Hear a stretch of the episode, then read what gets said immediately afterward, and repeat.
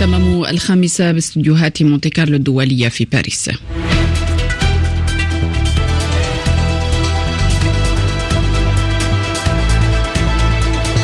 نشرة جديدة للأخبار. معك أدم دبيرة. صباح الخير أدم. مرحبا بك شيرين. صباح النور عليك وعلى المستمعين في أبرز عناوين هذه النشرة. مخاوف دولية جديدة من التصعيد الحدودي بين إسرائيل ولبنان بعد تبادل للقصف أدى إلى سقوط قتلى وجرحى إسرائيل تتوعد بشن عملية وصفتها بالقوية في رفح وفرنسا تحذرها من أن شن هجوم على المدينة سيؤدي إلى كارثة إنسانية ذات ذات حجم غير مسبوق. الأمم المتحدة تؤكد أن المستشفيات في غزة باتت مكتظة بالكامل وسط استمرار القصف الإسرائيلي على جنوب ووسط القطاع. مونتي كارلو الدولية نشرة الأخبار مرحبا بكم. التصعيد خيم على الحدود اللبنانية الإسرائيلية في الساعات القليلة الأخيرة حيث قتل تسعة مدنيين بينهم أربعة أطفال في وابل من الضربات الإسرائيلية على قرى بجنوب لبنان. وذلك ردا على إطلاق حزب الله لصواريخ أدت إلى مقتل جندي وإصابة آخرين. وقد وعد وزير الدفاع الإسرائيلي بني جانس برد قاس على حزب الله. من القدس زياد حلبي. بعد مشاورات أمنية سريعة شنت إسرائيل سلسلة غارات مكثفة طالت عشرات الأهداف في جنوب لبنان في أعقاب استهداف مقر القيادة الشمالية للجيش الإسرائيلي بصواريخ في صفد أدت إلى مقتل جندي وإصابة سبع آخرين فيما تم اعتراض عدد من الصواريخ في الجليل الأعلى ورغم أنها ليست المرة الأولى التي تستهدف فيها القواعد العسكرية والجوية الإسرائيلية اعتبرت إسرائيل ما جرى تصعيدا نوعيا حيث هدد الوزير جانس برد قاس وقريب وقال رئيس الأركان الإسرائيلي إن الجيش جاهز للحسم العسكري على الجبهة الشمالية أيضا. ورغم مقومات التصعيد لا يسود اعتقاد بأن الأمور ذاهبة إلى حرب شاملة بين إسرائيل وحزب الله في ظل ضغط أمريكي على نتنياهو لمنع ذلك وإيجاد مخرج دبلوماسي وإن بقيت جبهة الشمال مرتبطة بالحرب على قطاع غزة. زياد حلبي القدس مونتي كارلو الدولية.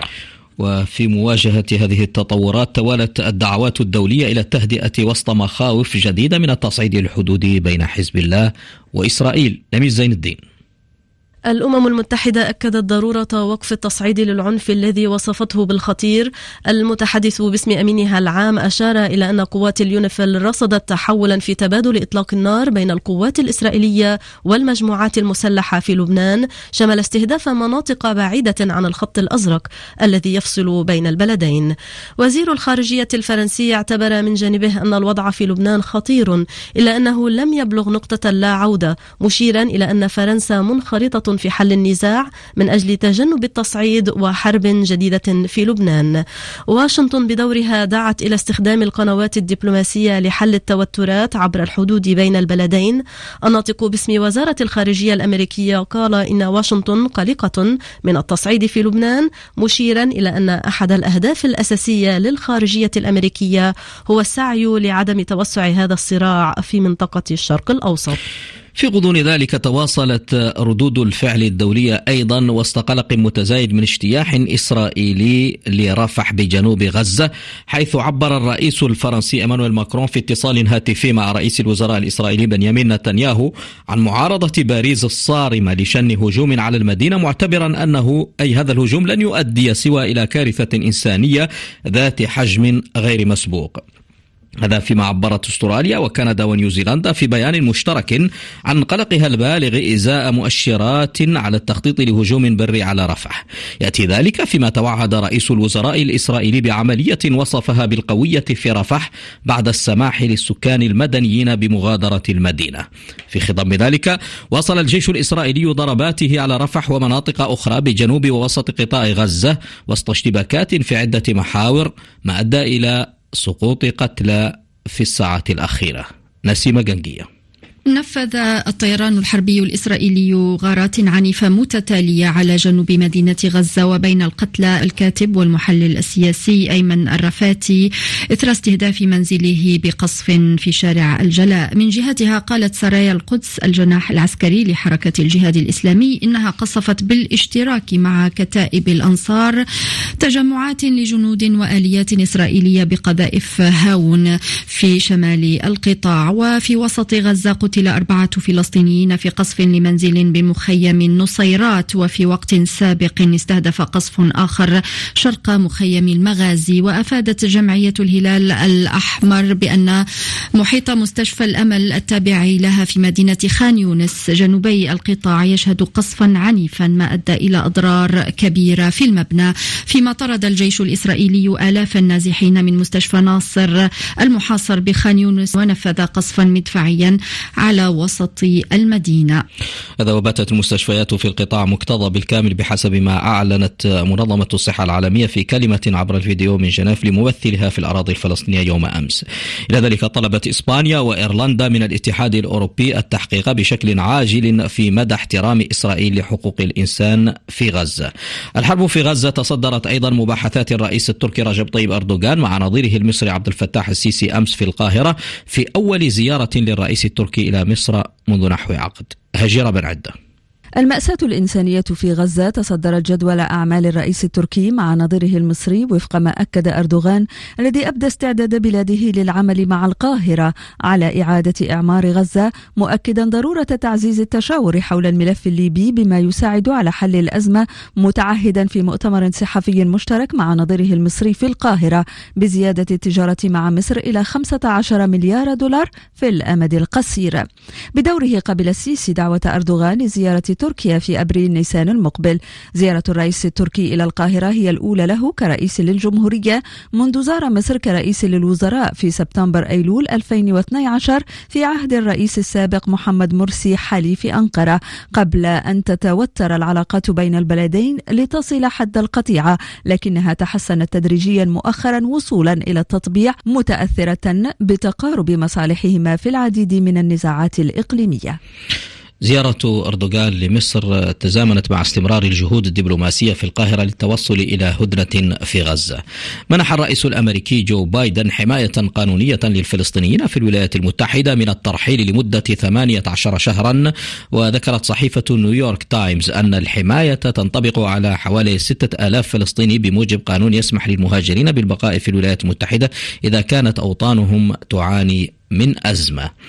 دعا المبعوث الخاص للأمين العام للأمم المتحدة إلى اليمن هانس غولتنبرغ إلى التحرك فورا من أجل إنهاء دوامة التصعيد الخطيرة في اليمن في سياق متوتر على خلفية هجمات الحوثيين في البحر الأحمر وذلك خلال اجتماع لمجلس الأمن الدولي.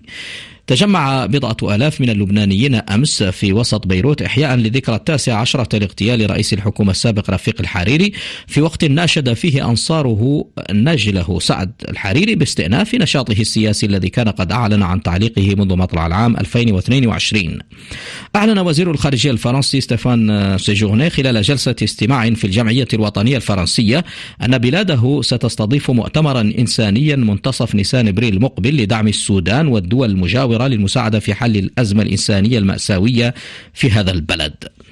قضت محكمة الاستئناف في باريس بسجن الرئيس الأسبق نيكولا ساركوزي لمدة عام بينها ستة أشهر مع وقف التنفيذ بتهمة تجاوز سقف الإنفاق خلال حملته الانتخابية التي خسرها عام 2012 لميس زين الدين. السجن لمدة سنة من بينها ستة أشهر مع وقف التنفيذ.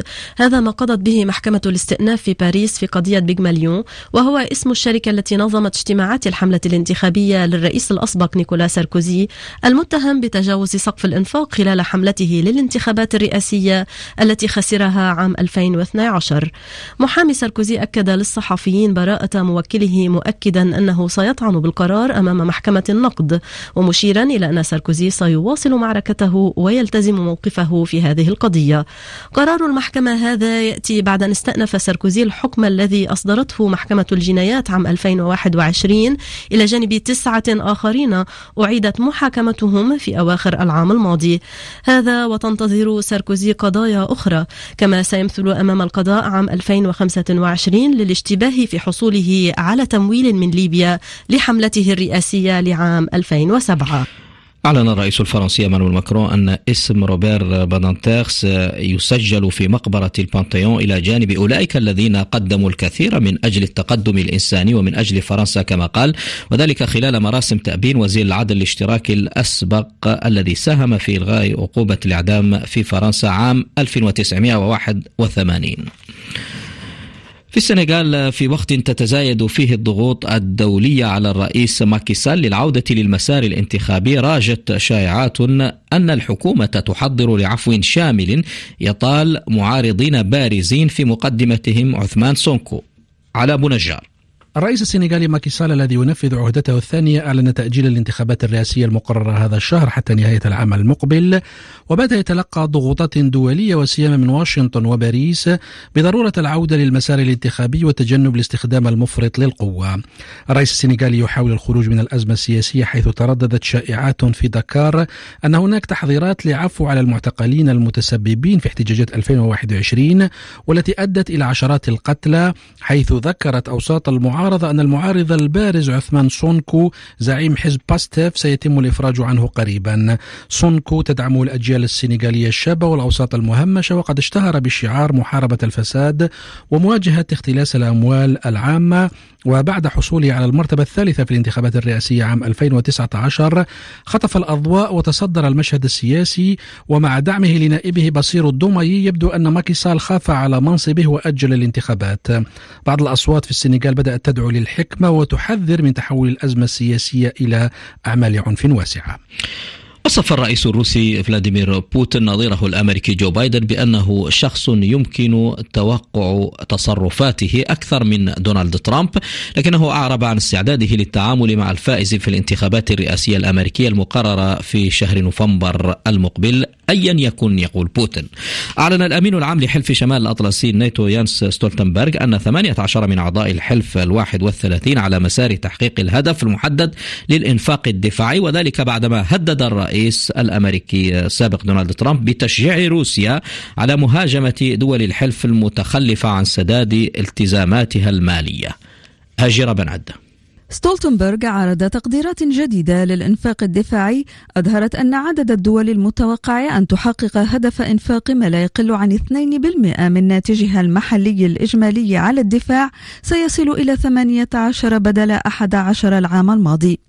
وقال للصحفيين قبيل اجتماع وزراء دفاع دول التكتل إنه عدد قياسي آخر ويزيد بست مرات عن 2014 عندما أوفى ثلاثة أعضاء في الحلف فقط بالهدف من دون أن يذكر الدول التي تفي بالتزامها. وكان الرئيس الأمريكي السابق دونالد ترامب وهو الأوفر حظا للفوز بترشيح الحزب الجمهوري لخوض انتخابات الرئاسة المقبلة. قد أثار استياء شديدا بعد تصريحات قال فيها إنه لن يدافع عن أعضاء الحلف الذين لم يفوا بالتزاماتهم المالية.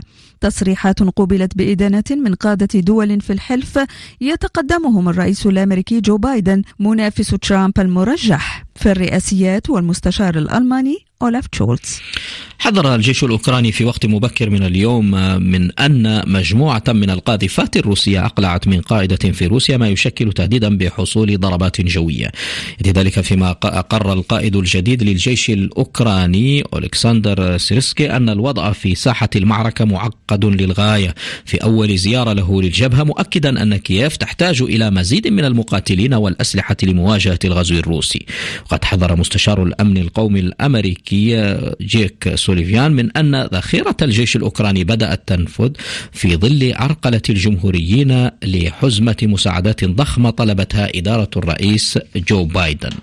أعلنت كوبا الحليف التقليدي لكوريا الشمالية عن استئناف العلاقات الدبلوماسية مع كوريا الجنوبية والتي انقطعت بعد ثورة الزعيم الراحل فيدل كاسترو عام 1959 وجرى استئناف هذه العلاقات في مقر الأمم المتحدة بنيويورك من خلال تبادل مذكرات دبلوماسية بين ممثلي البلدين بحسب البيان الصادر.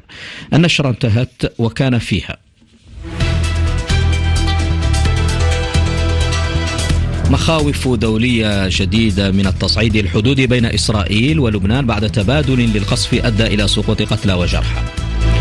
إسرائيل تتوعد بشن عملية وصفتها بالقوية في رفح وفرنسا تحذرها من أن الهجوم على المدينة سيؤدي إلى كارثة إنسانية ذات حجم غير مسبوق.